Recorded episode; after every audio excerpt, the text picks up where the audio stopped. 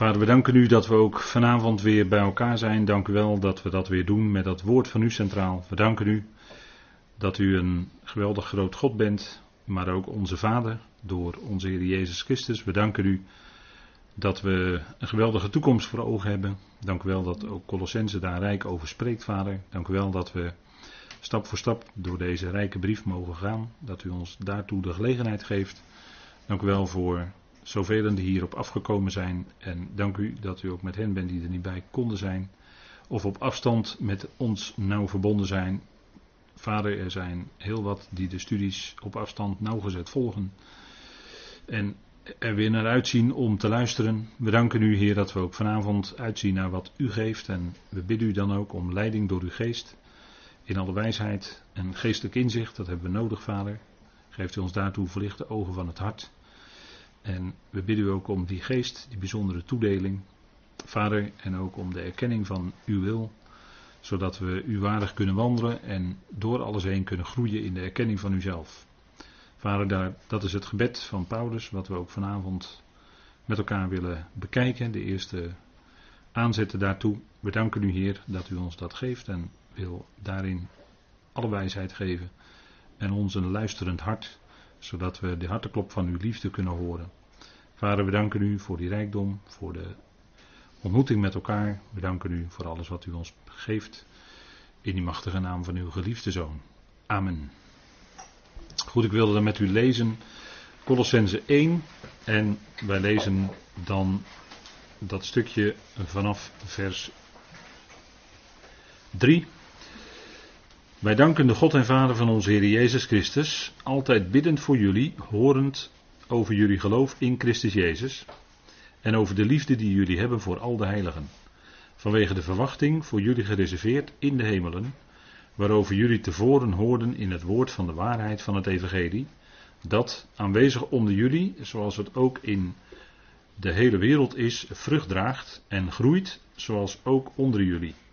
Vanaf de dag dat jullie de genade van God in waarheid hoorden en erkenden, zoals jullie het leerden van Epaphras, onze geliefde medeslaaf, die voor ons een trouwe dienaar van Christus is en die ook jullie liefde in de geest aan ons duidelijk maakt.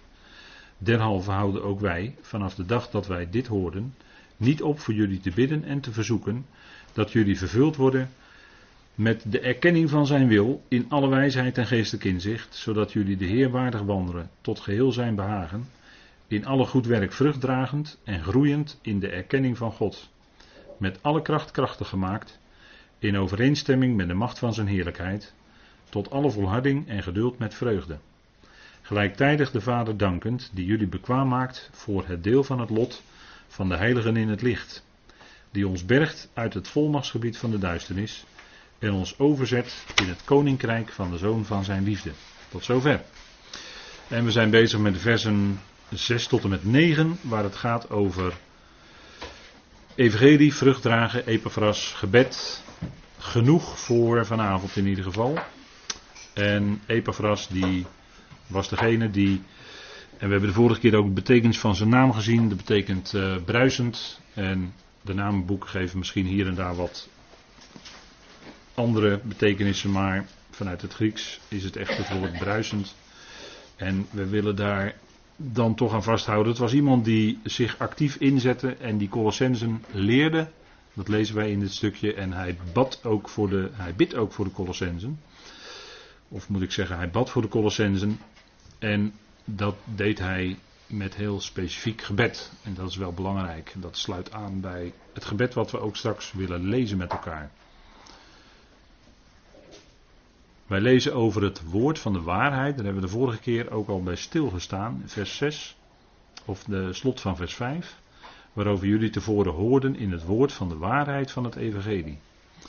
En dat is wel een punt. Um, het is een beetje een uitdrukking waarvan je zegt van nou het woord van de waarheid van het evangelie. Dat is als het ware een opstapeling van woorden. Maar vorige keer heb ik ook gezegd dat dat begrip waarheid uh, met, met betrekking tot de Colossense wel van belang was, omdat de Colossensebrief een uh, brief is tot correctie. En die waarheid die stond onder druk. In uh, het volgende vers, vers 6, spreekt Paulus ook over dat jullie de genade van God in waarheid hoorden en erkenden. Dus het is zaak dat die genade van God, dat we die in waarheid ook daadwerkelijk leren kennen. En dat is een punt. En de vijanden, heb ik ook vorige keer gezegd, zijn filosofie en religie. Die worden in Colossense 2 uitvoerig door Paulus besproken, aangesproken. En als je zo kijkt in de loop van de afgelopen duizenden jaren kerkgeschiedenis, dan zie je ook dat die twee, filosofie, eigen denken van mensen, religie, zelf wat willen doen als een actie richting God waarvoor God moet belonen. Laat ik maar even zo kort samenvatten. Dat zijn de twee grote vijanden van eh, de waarheid van het evangelie en die willen die waarheid van de genade onderuit halen. En iemand heeft wel eens gezegd dat heel wat mensen, die worden wel misschien binnen een kerkelijk of een gelovig verband geboren, maar dan komen ze eigenlijk, ze worden eigenlijk dan al in de mist geboren. In de mist van een heleboel tradities, in de mist van een heleboel denken van mensen, in de mist van uh, religieuze componenten die binnen het christendom ook zich op allerlei manieren voordoen. En zij horen dan toch door alles heen het evangelie wat in zijn eenvoudigste vorm is.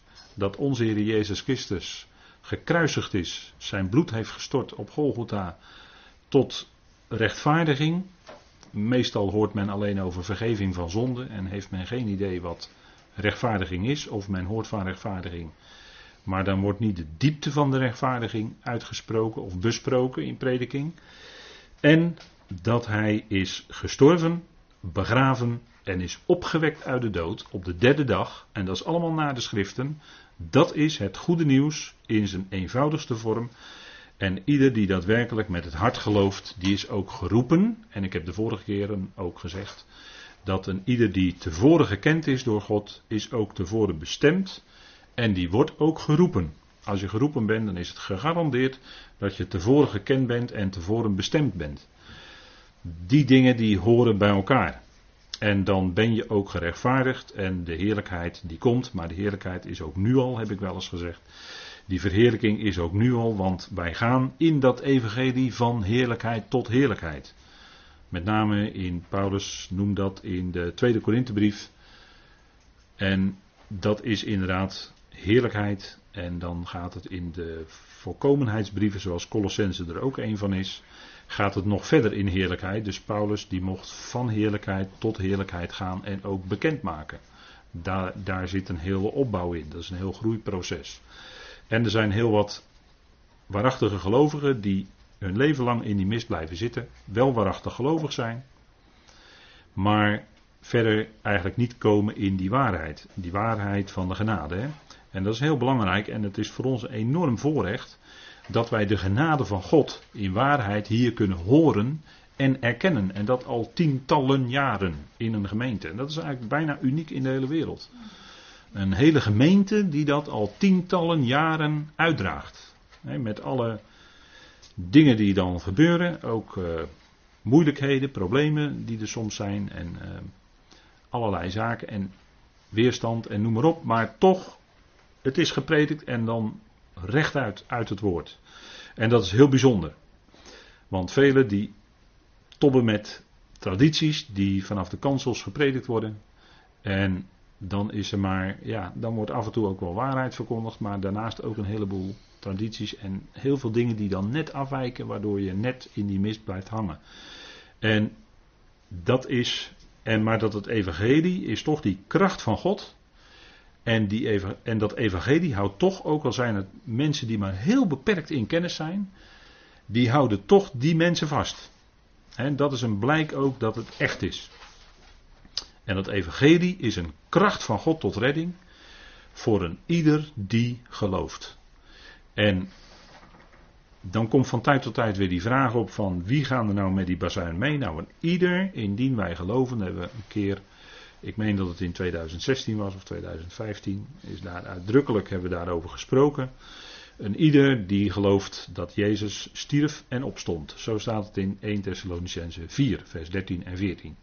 Indien wij geloven dat Jezus stierf en opstond, maar dan ook echt geloven, dus echt, dat er echt geloof van binnen zit. En niet een traditioneel meehobbelen. maar dan echt geloven met het hart, dan is het lid van het lichaam van Christus zijn. En dan kun je misschien in je hele leven bijna nog nooit gehoord hebben van de bazuin. Maar dan ga je toch met de bazuin de Heer ontmoeten in de lucht. En zul je altijd met hem zijn. Misschien wel tot je grote verrassing, want dat had je nog nooit gehoord. Die gebeurtenis wat je, wat je dan ondergaat op die dag. Dat had je nog nooit van gehoord, maar het gebeurt wel met je. Of, nou zo zijn er hele diversiteit aan meningen over de bazuin. En sommigen die redeneren hem zelfs helemaal weg. Maar niettemin, ook dat zijn gelovigen en die zullen ook dat moment gaan meemaken met die bazuin. Het woord van de waarheid van het evangelie. Die uitdrukking. En dat zou je kunnen zeggen, ook met iets andere bewoordingen, de ware uitdrukking van het evangelie. En dat is genade. Dan is het ook echt goed nieuws. En het is ook dat zij dat hoorden. En wij horen dat ook, hè, dat is een feit. Het staat ook in, de, in die tijdsvorm, waar ik u vorige keer ook op wees, dat woord hoorden, daar ziet u een heel klein verticaal streepje ervoor. Horizontaal streepje, sorry. Een horizontaal streepje. En dat betekent dat het een feit is. Dat het niet zozeer om een tijd gaat, maar om een feit. En dat is een belangrijk punt. Hè? Dat horen van dat woord van de waarheid van het evangelie. Het ware evangelie is het evangelie van de genade. Waarin de Heer aan het kruis uitriep: Het is volbracht. En toen was het ook volbracht. Daarna hoeft er ook geen, kan er nooit een, en dat kon ook al niet, daarvoor niet en daarna ook niet, kon er nooit iets aan toegevoegd worden. Dat werk wat hij deed, dat moest gebeuren. Toen was het ook volbracht. En vader wekte hem op als bewijs dat in hem, in feite in de zoon, die hele mensheid gerechtvaardigd is. dat zegt Paulus in Romeinen 4. Hij werd opgewekt vanwege onze rechtvaardiging. Dat is een geweldig thema hoor in de Romeinenbrief. De rechtvaardiging, en dat wordt in de voorkomenheidsbrieven, die leer die wordt in de voorkomenheidsbrieven verondersteld, hè, dat men dat weet. En die rechtvaardiging houdt in dat er geen veroordeling is voor hen die in Christus Jezus zijn. Romeinen 8, vers 1, dat is ook zo'n tekst voor je wapenrusting. Want de machten en krachten die willen jou in schuldbesef drukken en liefst naar beneden drukken. Maar je mag staan op die geweldige woorden uit Romeinen 8, vers 1. Zo is er dan nu geen veroordeling voor hen die in Christus Jezus zijn. En dat zegt hij na een heel hoofdstuk over de wet. En als je onder de wet leeft, dan probeer je je best te doen. Maar dan, wat krijg je dan voor situatie? Ellende, daar krijg je ellende van. Want dan wil je het goede doen, maar dan ontdek je dat je, terwijl je het goede wil doen, dan doe je het kwade. Je wil zo goed proberen het goede te doen, maar je doet het kwade. En ja, dan ontdek je dus dat er een wetmatigheid in je werk, dat als jij het goede wil doen, dat gaat, dan gaat het precies de andere kant op.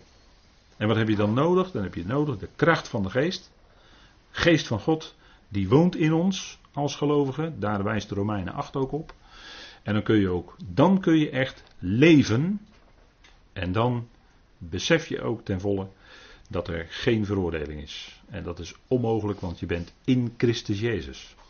En het geweldige is dat Romeinen 8 vers verderop in vers 32, 33 zegt dat God de rechtvaardiger is.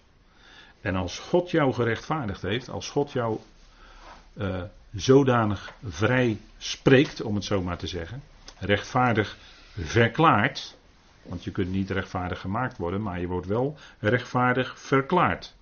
God verklaart dat u, jij en ik rechtvaardigen zijn. Waarom? Omdat Christus zijn bloed heeft gegeven voor u, voor jou en voor mij. Daarom zijn wij gerechtvaardigd. Het is genade. We zijn gerechtvaardigd om niet. Door de vrijkoping in Christus Jezus. En bovenaan staat, God is de rechtvaardiger. Dan kan er niemand in het hele heelal zijn die ons nog kan beschuldigen.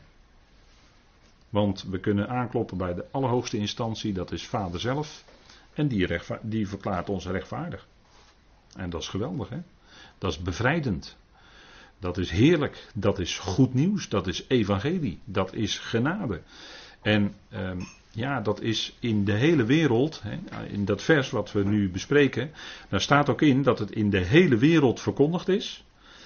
dat is in die tijd is het in grote snelheid rondgegaan. Paulus heeft vier reizen gedaan en dat ging, dat, ging met dat woord heel snel rond en het werd uitgedragen in de hele wereld. En het droeg vrucht overal. Er ontstonden gemeentes, er ontstonden groepen gelovigen. En dat was een geweldige tijd. En Paulus zegt, het is ook onder jullie aanwezig. let op dat aanwezig zijn onder jullie. Dat is ook bij ons het geval. Niet alleen bij de Colossensen, maar verblijd u daarin dat het ook in de gemeente waar wij deel van mogen uitmaken hier in Nederland ook aanwezig is. Dat is een kostbare, rijk bezit. En dat is niet uh, zomaar iets van ons bezit. Nee, dat is iets wat wij ontvangen hebben van Vader. En dat is rijke genade. Het is aanwezig onder ons. En wees daar zuinig op. En bid daarvoor dat dat aanwezig blijft onder ons. Dat het woord zo mag blijven klinken zoals het klinkt. In ons midden. dat gaat niet vanzelf. En dat is geen automatisme. Dat is geen gewone zaak. Dat is, niet, dat is eigenlijk niet normaal. Maar het is bij ons geweldig. En eh, omdat wij er zo aan gewend zijn, vinden wij het heel normaal. Maar het is uniek. En, en dat zouden, daarin zouden we ons verblijden. Dat het in Nederland verkondigd wordt. In Rotterdam en natuurlijk zijn er ook andere plaatsen. Zeker, zeker. Maar het is onder ons. Hè? En dat was ook in die tijd. Dat was heel bijzonder. Want later moest Paulus zeggen: allen in Azië werden van mij afgekeerd. En toen ging, de, ging wat dat betreft uh, het, licht op een veel lager pitje.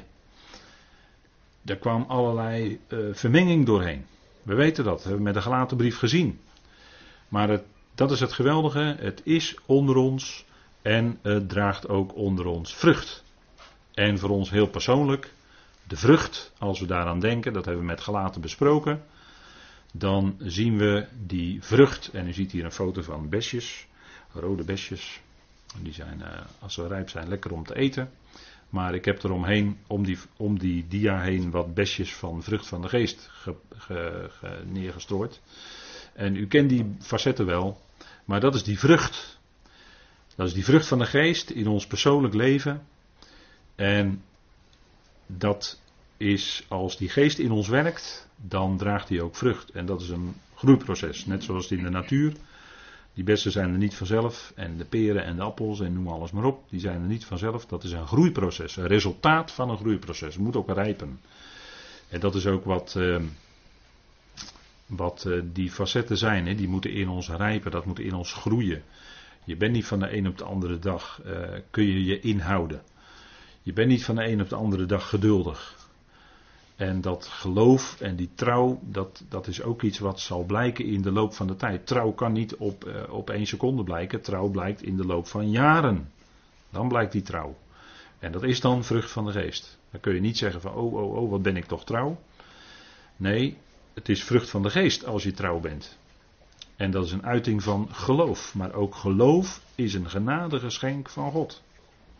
Het is geloof wat in ons gewerkt wordt. En liefde is natuurlijk datgene wat bovenaan staat. Hè? De agape. En die liefde dat is zo radicaal anders dan wat in de wereld voor liefde doorgaat. Dat is, uh, dat is geen agape. Dat is wat anders. Dat zijn andere begrippen. Maar de liefde van God is datgene wat op die ander gericht is om het welzijn van de ander. Dat welzijn in alle opzichten van de ander wil bevorderen. En dat doe je dan niet om zelf te laten zien van, oh wat ben ik toch goed dat ik voor die ander zorg. Wel nee, dat is omdat je die liefde van God in je werkt en omdat je dat wil doen. Gewoon belangeloos liefhebben. Gewoon omdat, je, omdat die liefde van God in je is. Dat is het punt. Hè? En uh, mildheid, dat is ons ook niet aangeboren. Hè? Mildheid.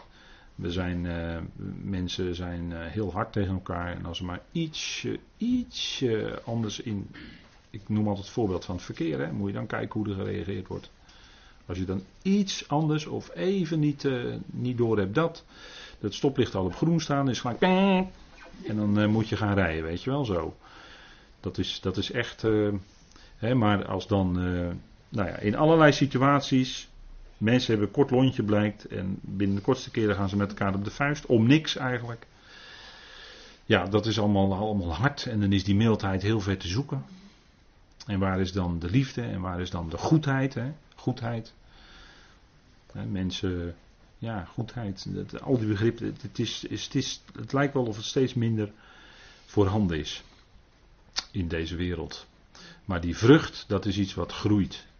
En is nou die vrucht van God, hè, dat kun je als gelovige van tijd tot tijd afvragen, als je over de vrucht van de geest leest, is nou die vrucht van, mijn, van God in mijn leven ook merkbaar aanwezig?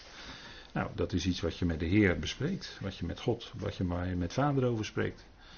dat, is, dat gaat verder ons niet, uh, ons niet zozeer aan, dat is wat, dat is wat u en jij en ik persoonlijk met Vader bespreken. Die, die vrucht, hè, Gods vrucht in ons leven. Dat is iets wat groeit. En daar heeft natuurlijk de opbouw van het woord in ons heeft er alles mee te maken. Hè. Horen naar dat woord, dat is opbouwend. En, en dat is iets wat je steeds weer nodig hebt als gelovige. Het is niet dat je het één keer hoort en kan zeggen, nou weet ik het. Nee, je hebt het steeds weer nodig om te horen. Om daarin aangesproken te worden. Om daarin vertroost te worden zoals ook afgelopen zondag weer vertroostende woorden klonken. Dat ging over de God van het medelijden. De vader van het medelijden en de God van alle vertroosting. En wat is vertroosting? Vertroosting is bemoedigend aangesproken worden. En dat hebben we nodig als gelovigen, want we lijden, we ondergaan verdrukkingen. En dan is het fijn als je elkaar kunt bemoedigen. En er zijn er die, die, die, die ik denk wel eens, ja, dat is misschien wat, eh, wat op een bepaalde manier gezegd, dat weet ik wel. Maar er zijn er die hebben dan de gave om een kaartje te sturen en dan op dat kaartje een bemoedigend woord tot opbouw te zetten. En dat, dat komt aan hoor bij mensen. Dat komt aan. Dat bemoedigt, dat vertroost. Zeker bij gelovigen die wat verder weg wonen, die niet de luxe hebben om uh, zondag de dienst te kunnen bijwonen live. Uh, ja, dan wel via internet. Maar elkaar te ontmoeten. Die hebben die luxe niet. En dan is het zo fijn als mensen op afstand waarvan je weet, die hebben het moeilijk, die lijden. Een kaartje met een bemoedigend woord tot opbouwen kan zoveel doen. Hè? En dan achter dat kaartje zit natuurlijk dat gebed. Wat je bidt voor diegene aan wie je dat kaartje stuurt. Natuurlijk, dat zit er gelijk aan vastgekoppeld. Hè? Daar komt het uit voort. En, en dat zijn gewoon fijne dingen. Een fijn woord hebben tot opbouwen. Vertroosting, bemoediging, opbouw. We hebben dat zo nodig. Laten we elkaar opbouwend, en dat is ook wat Paulus toch zegt in, in Efeze 4. Hè. Uh, we maar even met elkaar lezen, Efeze 4. En dat, dat spreekt je aan en daar word je weer aan herinnerd. Ja, ja, ja, zo zit het, zo zit het. Efeze 4, uh, vers 29. Laat geen enkel bedorven woord, eigenlijk zou je het anders moeten vertalen, maar goed, dat ziet u aan het sterretje, eigenlijk zou het, maar goed, dat klinkt zo hard in het Nederlands, maar het staat eigenlijk wel. Laat geen enkel bedorven woord uit jullie mond uitgaan. Maar, hè, dus het blijft niet alleen bij niet, maar nu komt wat wel, maar spreekt indien een goed woord is voor de benodigde opbouw opdat het genade geeft aan wie horen.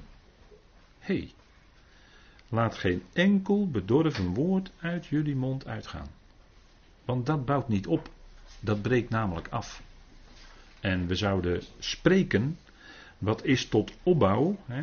een goed woord voor de benodigde opbouw, opdat het genade geeft. Is nou dat wat wij zeggen tot opbouw? Of wil je iets eruit flappen en misschien is het dan goed om toch eerst heel even met vader daarover te spreken. Wat ik nu ga zeggen, vader. En dan kan het best zijn dat je woorden alweer door dat gebed aangepast worden.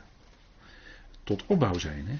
Opbouw, dat wil zeggen, dat is wat die ander bemoedigt. Dat is wat die ander sterkt.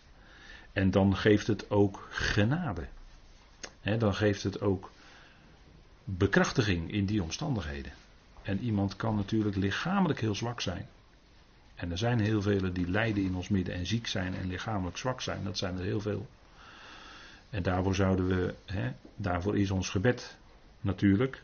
Maar we kunnen ook een woord spreken tot opbouw. En dat kun je ook op een kaartje zetten en aan die ander sturen. Een goed woord tot opbouw. Zodat het daar waar het aankomt genade geeft. Kracht geeft. Dat bedoel ik geestelijke kracht geeft. Om er weer onder te kunnen blijven, geestelijk gezien. En dat is, als dat gebeurt, dan is dat heel fijn. Want Paulus zegt, en bedroef de Heilige Geest van God niet, want dat gebeurt als je een bedorven woord uit je mond laat uitgaan. Dan bedroef je de Heilige Geest. Bij jezelf en bij die ander. Want die woont ook net zo goed in die ander als in jou. Maar, want daarmee zijn jullie verzegeld. En dan gaat het verder over woorden. Laat alle bitterheid, gramschap, toren, geroep en lastering. Want dat zijn dan bedorven woorden. Van jullie worden weggenomen. Tezamen met al het kwade. En Paulus noemt het dus zelfs kwaad. Maar word echter naar elkaar mild. Hé, hey, daar zitten we weer midden in die vrucht van de geest. Hè? Innerlijk welwillend. Elkaar genade schenkend. En dan, als je dat doet, dan heb je ook een woord van opbouw van genade voor die ander. Zoals ook God in Christus jullie genade schenkt. En dan gaan we ook niet mee in de ene partij of in de andere partij. Maar dan willen we tot opbouw zijn. En dan willen we uitleven die eenheid van de geest. Die is er en die zouden we bewaren met de band van de vrede. Ook vrucht van de geest. En zo ziet u dat alles in elkaar grijpt. Hè? En, en dat is, als dat gebeurt, dan is dat fijn.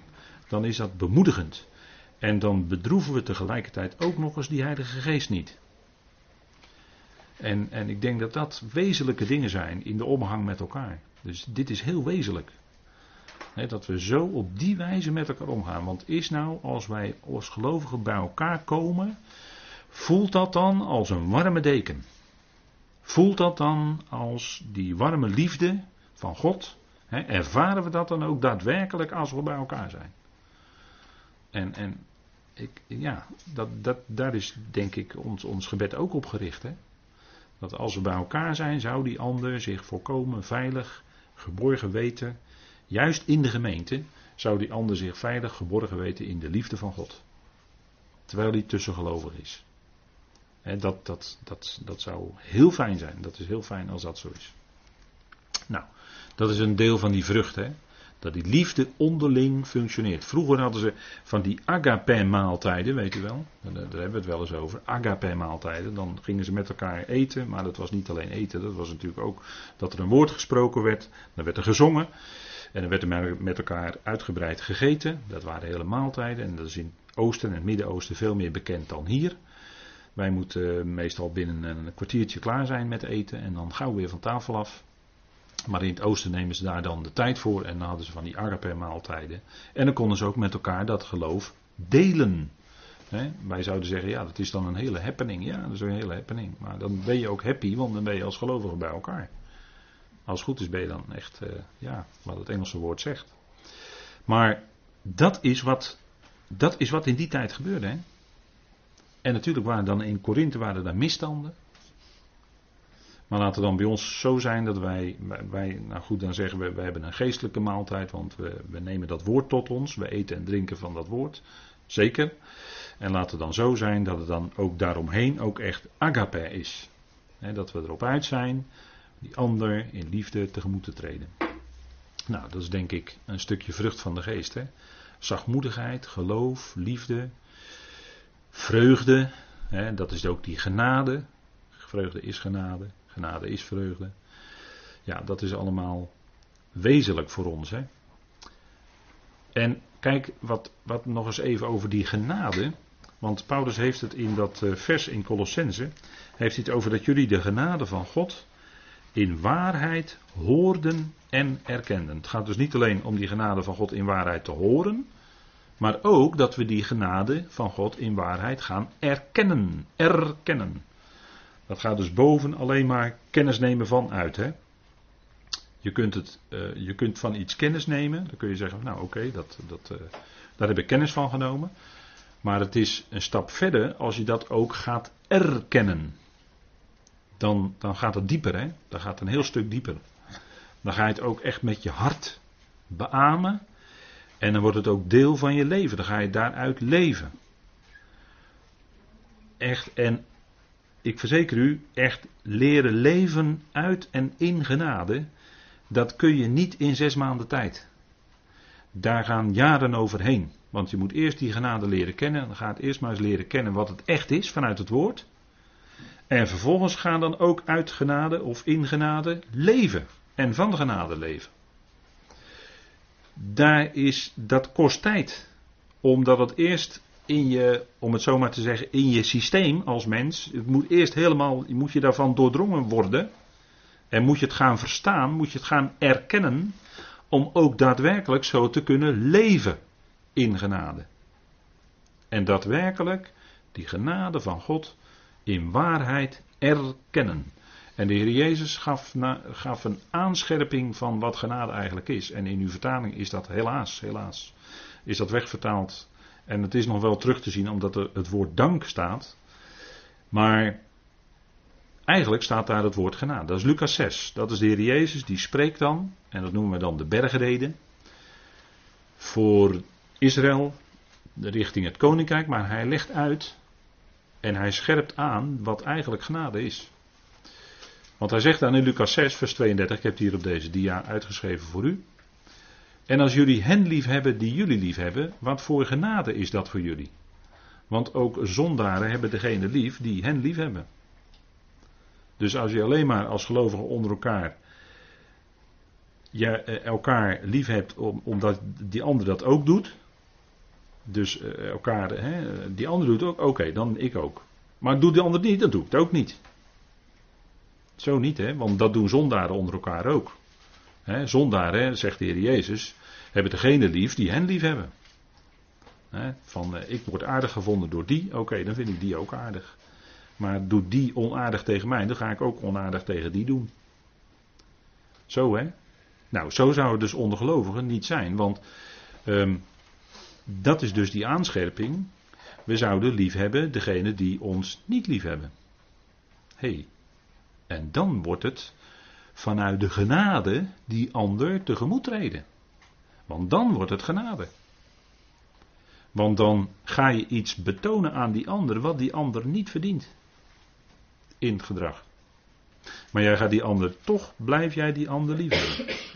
En dan, dan komt er iets door van die genade van God. En, en toen ik dit, uh, toen ik dit uh, ik was iets aan het lezen ergens en toen werd het hierop gewezen. En dat vond ik eigenlijk wel heel mooi, want ik denk van, hé hey, kijk, nou worden we door de Heer gewoon aangescherpt van het verschil tussen uh, wat we dan in, in het spraakgebruik noemen apenliefde en wat die liefde van God inhoudt. Hè? Want genade schenken is eigenlijk een van de hoogste vormen van liefde, van Gods liefde. Hè, genade is het, het hoogste. En dat is toch wel bijzonder, denk ik hoor. Wat, wat we hier eh, door de Heer naar ons toe krijgen.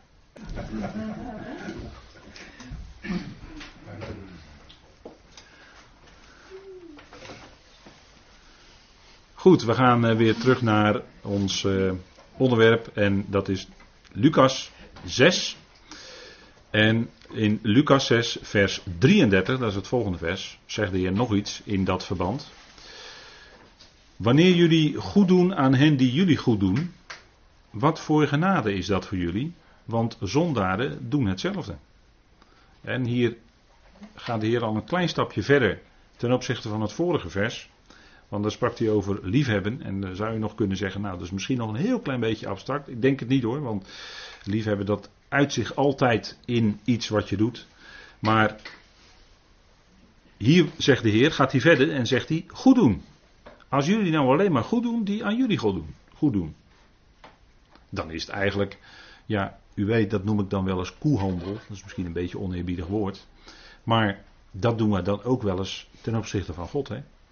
Want als wij nou, hè, zo, zo zijn christenen soms bezig. Als ik nou dit goed doe, of ik ga heel erg mijn best doen, en dan verwacht ik van vader meer zegen. Maar zo werkt het niet. Want God heeft ons al gezegend. Met alle rijkdom die maar mogelijk is. Met alle geestelijke zegeningen die, die je maar kunt bedenken. Dat is heel rijk, maar dat hebben we al ontvangen. Dus we hoeven niet eens te bidden om meer zegen. We hoeven niet als de priester van Israël bezig te zijn om anderen te zegenen. Nee, wij zijn al gezegend met iedere geestelijke zegen. En dat hebben we allemaal al ontvangen. En dat is dus genade. Want we hebben er helemaal niks voor kunnen doen. Integendeel zelfs. Ons gedrag was er helemaal niet naar. Ons leven was er helemaal niet naar. Maar God riep ons. En trok ons uit die duisternis. En zette ons in zijn licht. Of misschien zegt u nou, ik ben van jongs af aan altijd al gelovig geweest. Nou, heel fijn. Heel fijn als dat zo is. Als het langzaam bij je altijd al aanwezig is geweest en het is later meer gegroeid. Heel fijn. Maar het kan ook zijn dat je in diepe duisternis was, geestelijk gezien. En dat God je daaruit heeft getrokken. En dat is pure genade. Daar heb je niets voor kunnen doen. En als je zo bezig zou zijn, dan zegt de Heer: Wat is dat genade voor jullie? Als je alleen maar aan hen goed doet die jou goed doen. De strekking is natuurlijk: doe goed zonder iets daarvoor terug te verwachten. Want wij willen altijd, dat weet u wel, hè, wij willen altijd nog eventjes toch even wat terug doen, maar even dit. Je ontvangt wat en even wat terug doen. Maar eigenlijk, hè, het accepteren als genade. En dat is ook in onze relatie met God. Hè, accepteer dat het gewoon genade is. Je hebt het ontvangen om niet. Je hoeft niet in als terug, uh, hè, als, als, je hoeft niet als een soort beloning daarvoor terug uh, goed te doen. Nee, je, je bent rijk gezegend met genade. En dat gaat in je werken. En dan wil je ook goed doen, dan wil je ook die genade doorgeven aan anderen. Zo werkt het. Dan, en, want kijk, als je alleen maar goed zou doen aan degene die jou goed doen, dan is er geen sprake van genade. Dat is alleen maar handel. Maar, want de Heer zegt ook, zondaren doen hetzelfde. En hij zegt dat tegen zijn eigen volk. Hè? En dit is, eh, we hebben met eh, de studie openbaring, hebben wat zijn we wat dieper ingegaan hoe dat zit bij Israël. Met het bezit en met het uitlenen en met rente en, enzovoort enzovoort in het verband met het geheimenis Babylon. En, en dan, als je dat weet, als je dat gehoord hebt, spreekt dit je wel aan. En als je leent aan hen van wie je verwacht terug te krijgen, wat voor genade is dat voor jou? Want zondaren lenen aan zondaren uit, opdat zij het gelijke zullen terugkrijgen. En in Israël mocht dan geen rente geheven worden. Als een Jood aan een andere mede-Israëliet een bedrag uitleende, dan mocht daar geen rente opgegeven worden. Staat in de Torah. En dan en na zeven jaar ook nog eens een keer de schuld kwijtschelden. Nou, dan heb je een hele gezonde economie. En dan heb je ook uh, heel gezond dat de ene uh, niet te rijk kan worden en de andere kan niet te arm worden. Dat is heel gezond hoor, zoals dat voorgeschreven is in de Torah. Als dat wereldwijd nu zou worden toegepast, nou dat zou een revolutie betekenen. Wordt alles ineens uh, echt gezond in de economie. Maar we zitten nu met grote schuldenlasten en schuldenbergen. Maar de Heer Jezus zegt dan tegen zijn volk notabene, bij wie dat in de Torah geregeld was. Als je uitleent en je verwacht het terug te krijgen. Maar dat is niet de genade. Want hij zegt, wat voor genade is dat voor jou? Als je uitleent en je geeft het en dan uh, daarbij de gedachte van, oké, ik uh, krijg het misschien terug, maar als ik het niet terugkrijg, nou oké, goed.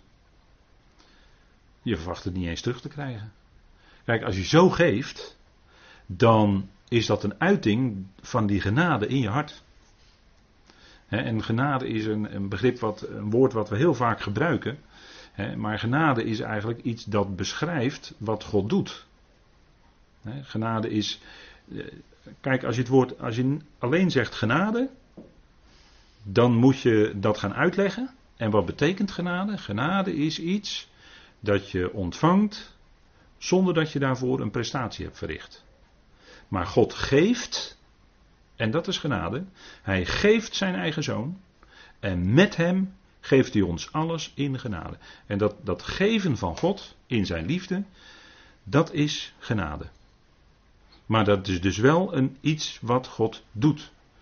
En ooit heeft uh, broeder Gellersnoff, die schrijft in zijn commentaar op de gelaten brief, een geweldige uitspraak. In één regeltje zegt hij: Genade dat is Gods liefde in actie. Dat, is jaren geleden, jaren en jaren geleden, maar dat was. Ineens ga je dan zien wat genade werkelijk is. Gods liefde komt in actie, dus er gebeurt daadwerkelijk iets. Jij wordt je bewust van wat de Heer voor jou heeft gedaan. Er is iets gebeurd, er is iets gedaan voor jou. waarvoor je niets hebt kunnen doen. En jij ontvangt op basis daarvan ongelooflijk rijke zegen. Daar kan geen rijkdom van de wereld tegenop. En dat is nou genade. Dus dat bewijst zich in handelingen, in dat wat gebeurt, in dat wat gegeven wordt.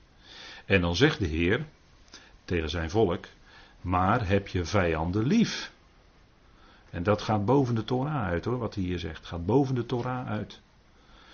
En natuurlijk weten we dat de, de uiteindelijke, de, de hele Torah wordt in één woord samengevat in dit. Je naaste lief hebben als jezelf en God boven alles. Maar als je dat vanuit jezelf gaat proberen te bewerken, dan gaat het niet lukken. Dat gaat niet lukken.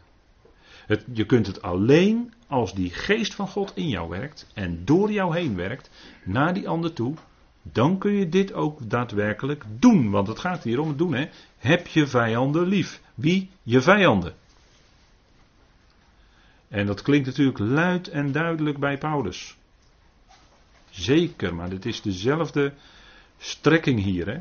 Heb je vijanden lief? In Romeinen 12 wordt gezegd, als het gaat om je vijanden en heeft hij honger of dorst? Geef hem te eten, geef hem te drinken, vurige kolen op het hoofd open. Zo zou je omgaan met je vijanden. En dan hoeven we al helemaal niet te spreken over onze vrienden, want die uh, zullen helemaal gekoesterd worden in de warmte van Gods liefde. Maar je vijanden nu, hè?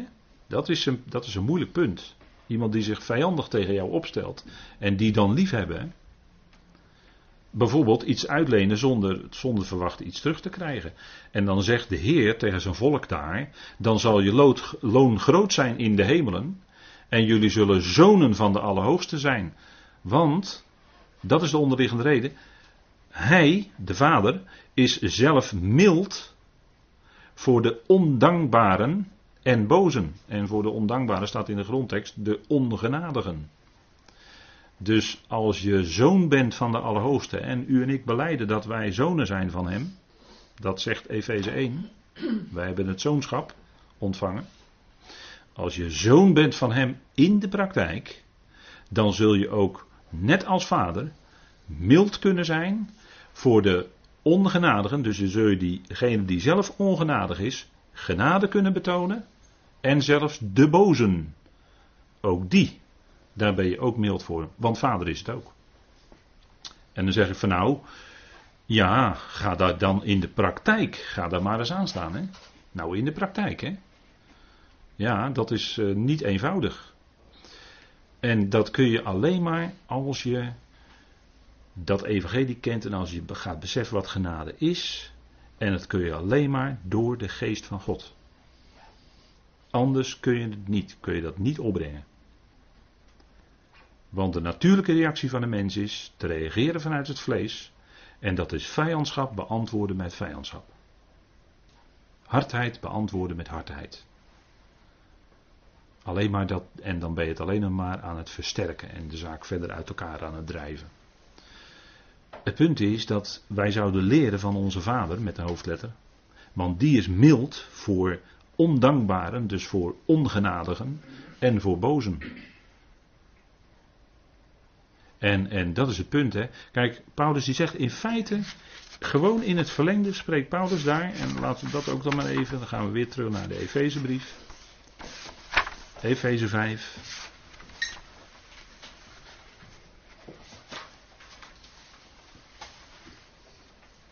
Want we, daar heb ik dan net nog niet gelezen, maar in Efeze 5 vers 1 staat, word dan navolgers van God als geliefde kinderen en wandelt in liefde. Zoals ook Christus jullie lief heeft en zichzelf ter wille van ons heeft overgegeven als naderingsgeschenk en offer voor God tot een aangename geur. Hoe bleek die liefde bij Christus? Hij gaf zichzelf over ter wille van ons. Dat betekent dat je dus ter wille van de ander je overgeeft. En dat doe je niet, niet in de eerste plaats voor die ander, maar doe je de eerste plaats voor vader. Je kijkt naar vader, vader, zo, dat is wat u wijst.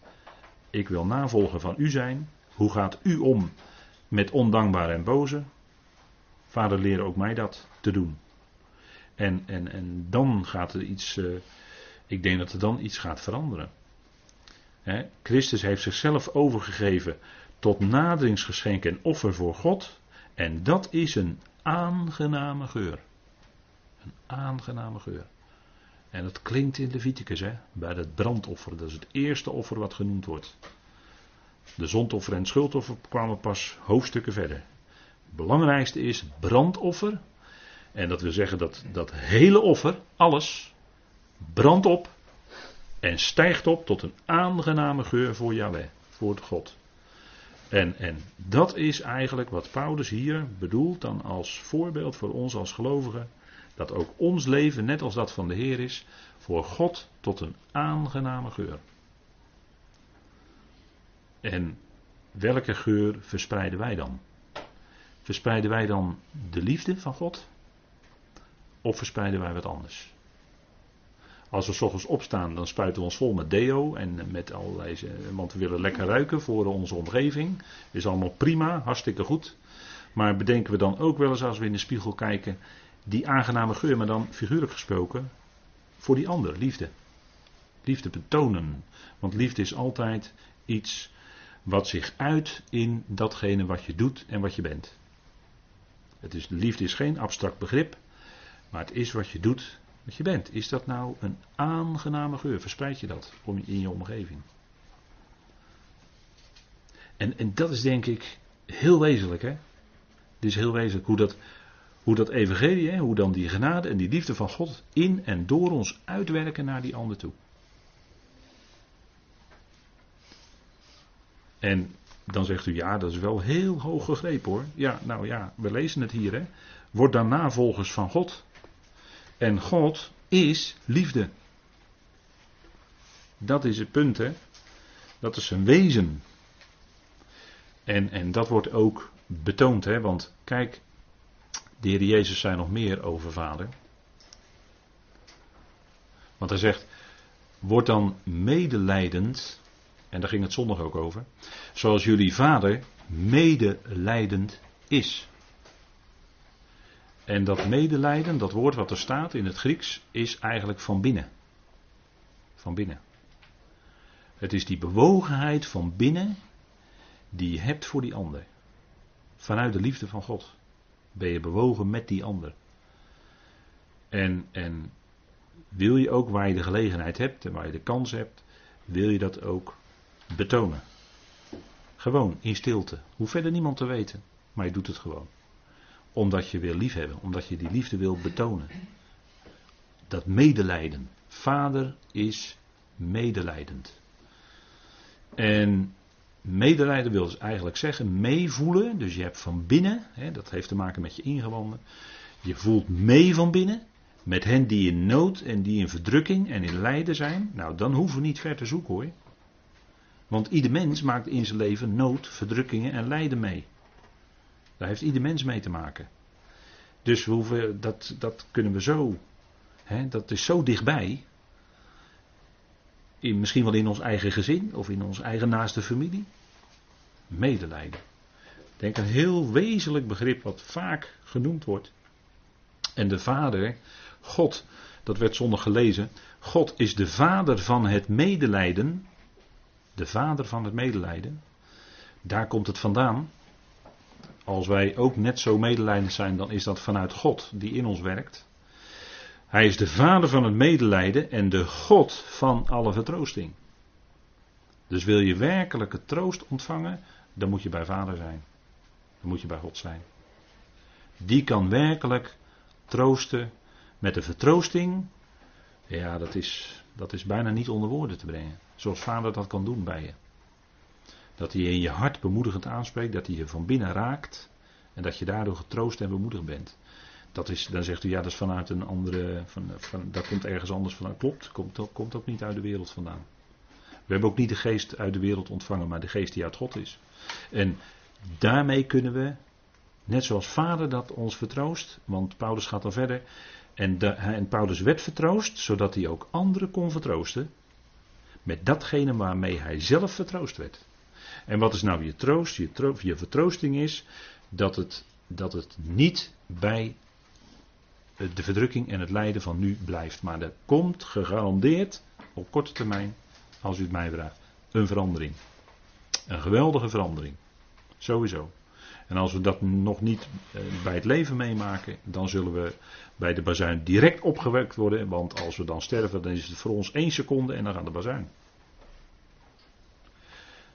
En dan is het dus heel dichtbij. En die verandering, die gaat gegarandeerd komen. En dat is je troost. Dat is je troost. De vader heeft een beperking gesteld aan het lijden. En aan de verdrukkingen. En dwars door dat lijden en die verdrukkingen heen, kan Hij ons, omdat wij daarin zijn, kan Hij ons ook geweldig vertroosten en bemoedigen, zodat wij op onze beurt later weer anderen die in die situatie zijn ook kunnen vertroosten en bemoedigen. Met diezelfde bemoediging, met diezelfde woorden, met diezelfde dingen waarmee Vader ons vertroost heeft. Kijk, dat is geweldig, hè? zo werkt het. En, en dan ga je ook leren om, hè, Paulus beschrijft dat proces in Romeinen 5, dat de verdrukking volharding bewerkt, en de volharding beproefdheid. En de beproefdheid geeft die vaste verwachting, omdat die liefde van God in ons hart is uitgestort. Kijk, dat is hoe wij in de praktijk door Vader geleid worden. En dat, zo werkt hij dat van binnen, maar het keert zich ook naar buiten. Want medelijden, dat is het woord wat dat medevoelen van binnen beschrijft. En, en je bent bewogen met die ander. En als er erge dingen in de wereld gebeuren en je ziet dat mensen uh, enorm daaronder lijden, dan ben je daarmee bewogen. Ook al zijn je armen ver te kort, want je, je zou er wel naartoe willen gaan en willen helpen, maar dat, dat lukt natuurlijk niet. Maar dat, dat medevoelen met het lijden van die ander, dat, dat werkt God in je door zijn geest. Maar je kunt ook barmhartig zijn. Hè? Dat is, dat is, dan komt het naar buiten. Dan worden het daden. Hè? Dat doet die barmhartige Samaritaan die barmhartige Samaritaan, dat is die ontroerende geschiedenis, of dat verhaal moet ik zeggen, het was geen geschiedenis, het is een verhaal wat de Heer vertelt. Is dat ontroerende verhaal van die gewonde man die daar lag langs de kant van de weg van Jeruzalem naar Jericho, weet u wel, overbekend. En dan was die Samaritaan, bleek, niet de priester, niet de leviet, maar daar, was, daar waren redenen voor hoor. Daar kunnen wij ook heel snel met vingertje wijzen. En dat is ook wel gebeurd hoor, in uitleg. Dan wordt er met de vinger gewezen, nou, nou, die priester was toch wel heel erg, die ging aan de andere kant voorbij. En die leviet was ook heel erg, ging aan de andere kant voorbij. Ja, maar er was wel een reden. Ze hielden zich daarmee wel aan de Torah. En dat had ook weer een achtergrond, dus verdiep je er maar eens in. En dan sta je niet meer zo snel klaar met, het, met jouw oordeel over die priester en die leviet. Maar dan komt die Samaritaan, nood, nood, een Samaritaan, en eigenlijk de Heer zelf is dat natuurlijk. Hè? En die betoont die man die daar lag, zwaar gewond, die lag daar bijna te sterven, betoonde die barmhartigheid. Wat deed hij? Hij goot olie en wijn in de wonden en hij zet hem op zijn eigen lastdier. En hij bracht hem in de herberg. Het geweldige is dat het woord voor herberg betekent dat allen daar welkom zijn. Vanuit, vanuit de grondtekst. En daar zijn allen, daar kunnen ze allen, iedereen hebben. Iedereen mag daar binnenkomen die gewond is. En dat is natuurlijk een beeld van de Heer, die, daar mag je binnenkomen. Wie het ook is, wat je ook bent en wat je ook gedaan hebt, maar je mag bij de Heer komen. En dat is ook, als we, dat heb ik laatst ook wel gezegd, maar misschien is het toch goed om nog een keertje te zeggen. ook als we op zondag diensten houden, dan is dat een openbare aangelegenheid. Er wordt evangelie verkondigd. En als er dan zondaren binnenkomen, zeggen wij dan, we weten iets over iemand. Nou, die moet daar vooraan zitten, die moet evangelie horen. Was u soms beter dan diegene die binnenkomt? Bent u beter dan degene die dan binnenkomt? Nee, hè?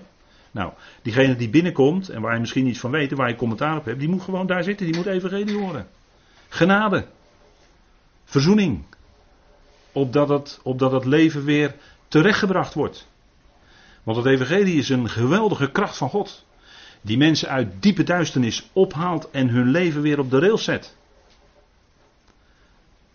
En, en daarom eh, zouden niet de mensen onze veroordeling horen. Maar de mensen zouden dan horen wie Christus is. En dat Hij alles heeft volbracht. En dat Hij een genadig God vertegenwoordigt. En zichzelf totaal overgegeven heeft. We hebben net gelezen. Als offergave en slachtoffer. God, voor een, God tot een aangename geur. Maar het was wel tegelijkertijd voor allen. Dus ook degene die dan binnenkomt op zondag bij gelegenheid in de dienst. Of die er misschien in, in onze ogen niet uitziet. Nou moet je die zien zeg. Zo, eh, in, eh, die is een, een beetje haveloos gekleed zeg. Ja, en als die nou binnenkomt en wil luisteren, nou plaatsmaken. Sta op, geef je stoel. Diegene moet het evangelie horen. Daar zijn we toch voor? En dan betonen we toch de liefde. Geef hem een kop koffie. Hem of haar, geef hem een kop koffie, koek erbij. Zitten, heerlijk luisteren. Evangelie. Heb je nodig. En hebben wij ook nodig. Opdat we weer aangeschermd worden. En dat we ook zulke mensen die binnenkomen. Juist die. Die liefde betonen. Want als ze dat bij ons niet krijgen, waar krijgen ze dan wel? Nou, barmhartigheid, dat is een daad die uit, vanuit het medelijden, medelijden zit dus van binnen, en die barmhartigheid is dus de daad die uit het medelijden gedaan wordt. En zo werd die gewonde man weer terechtgebracht.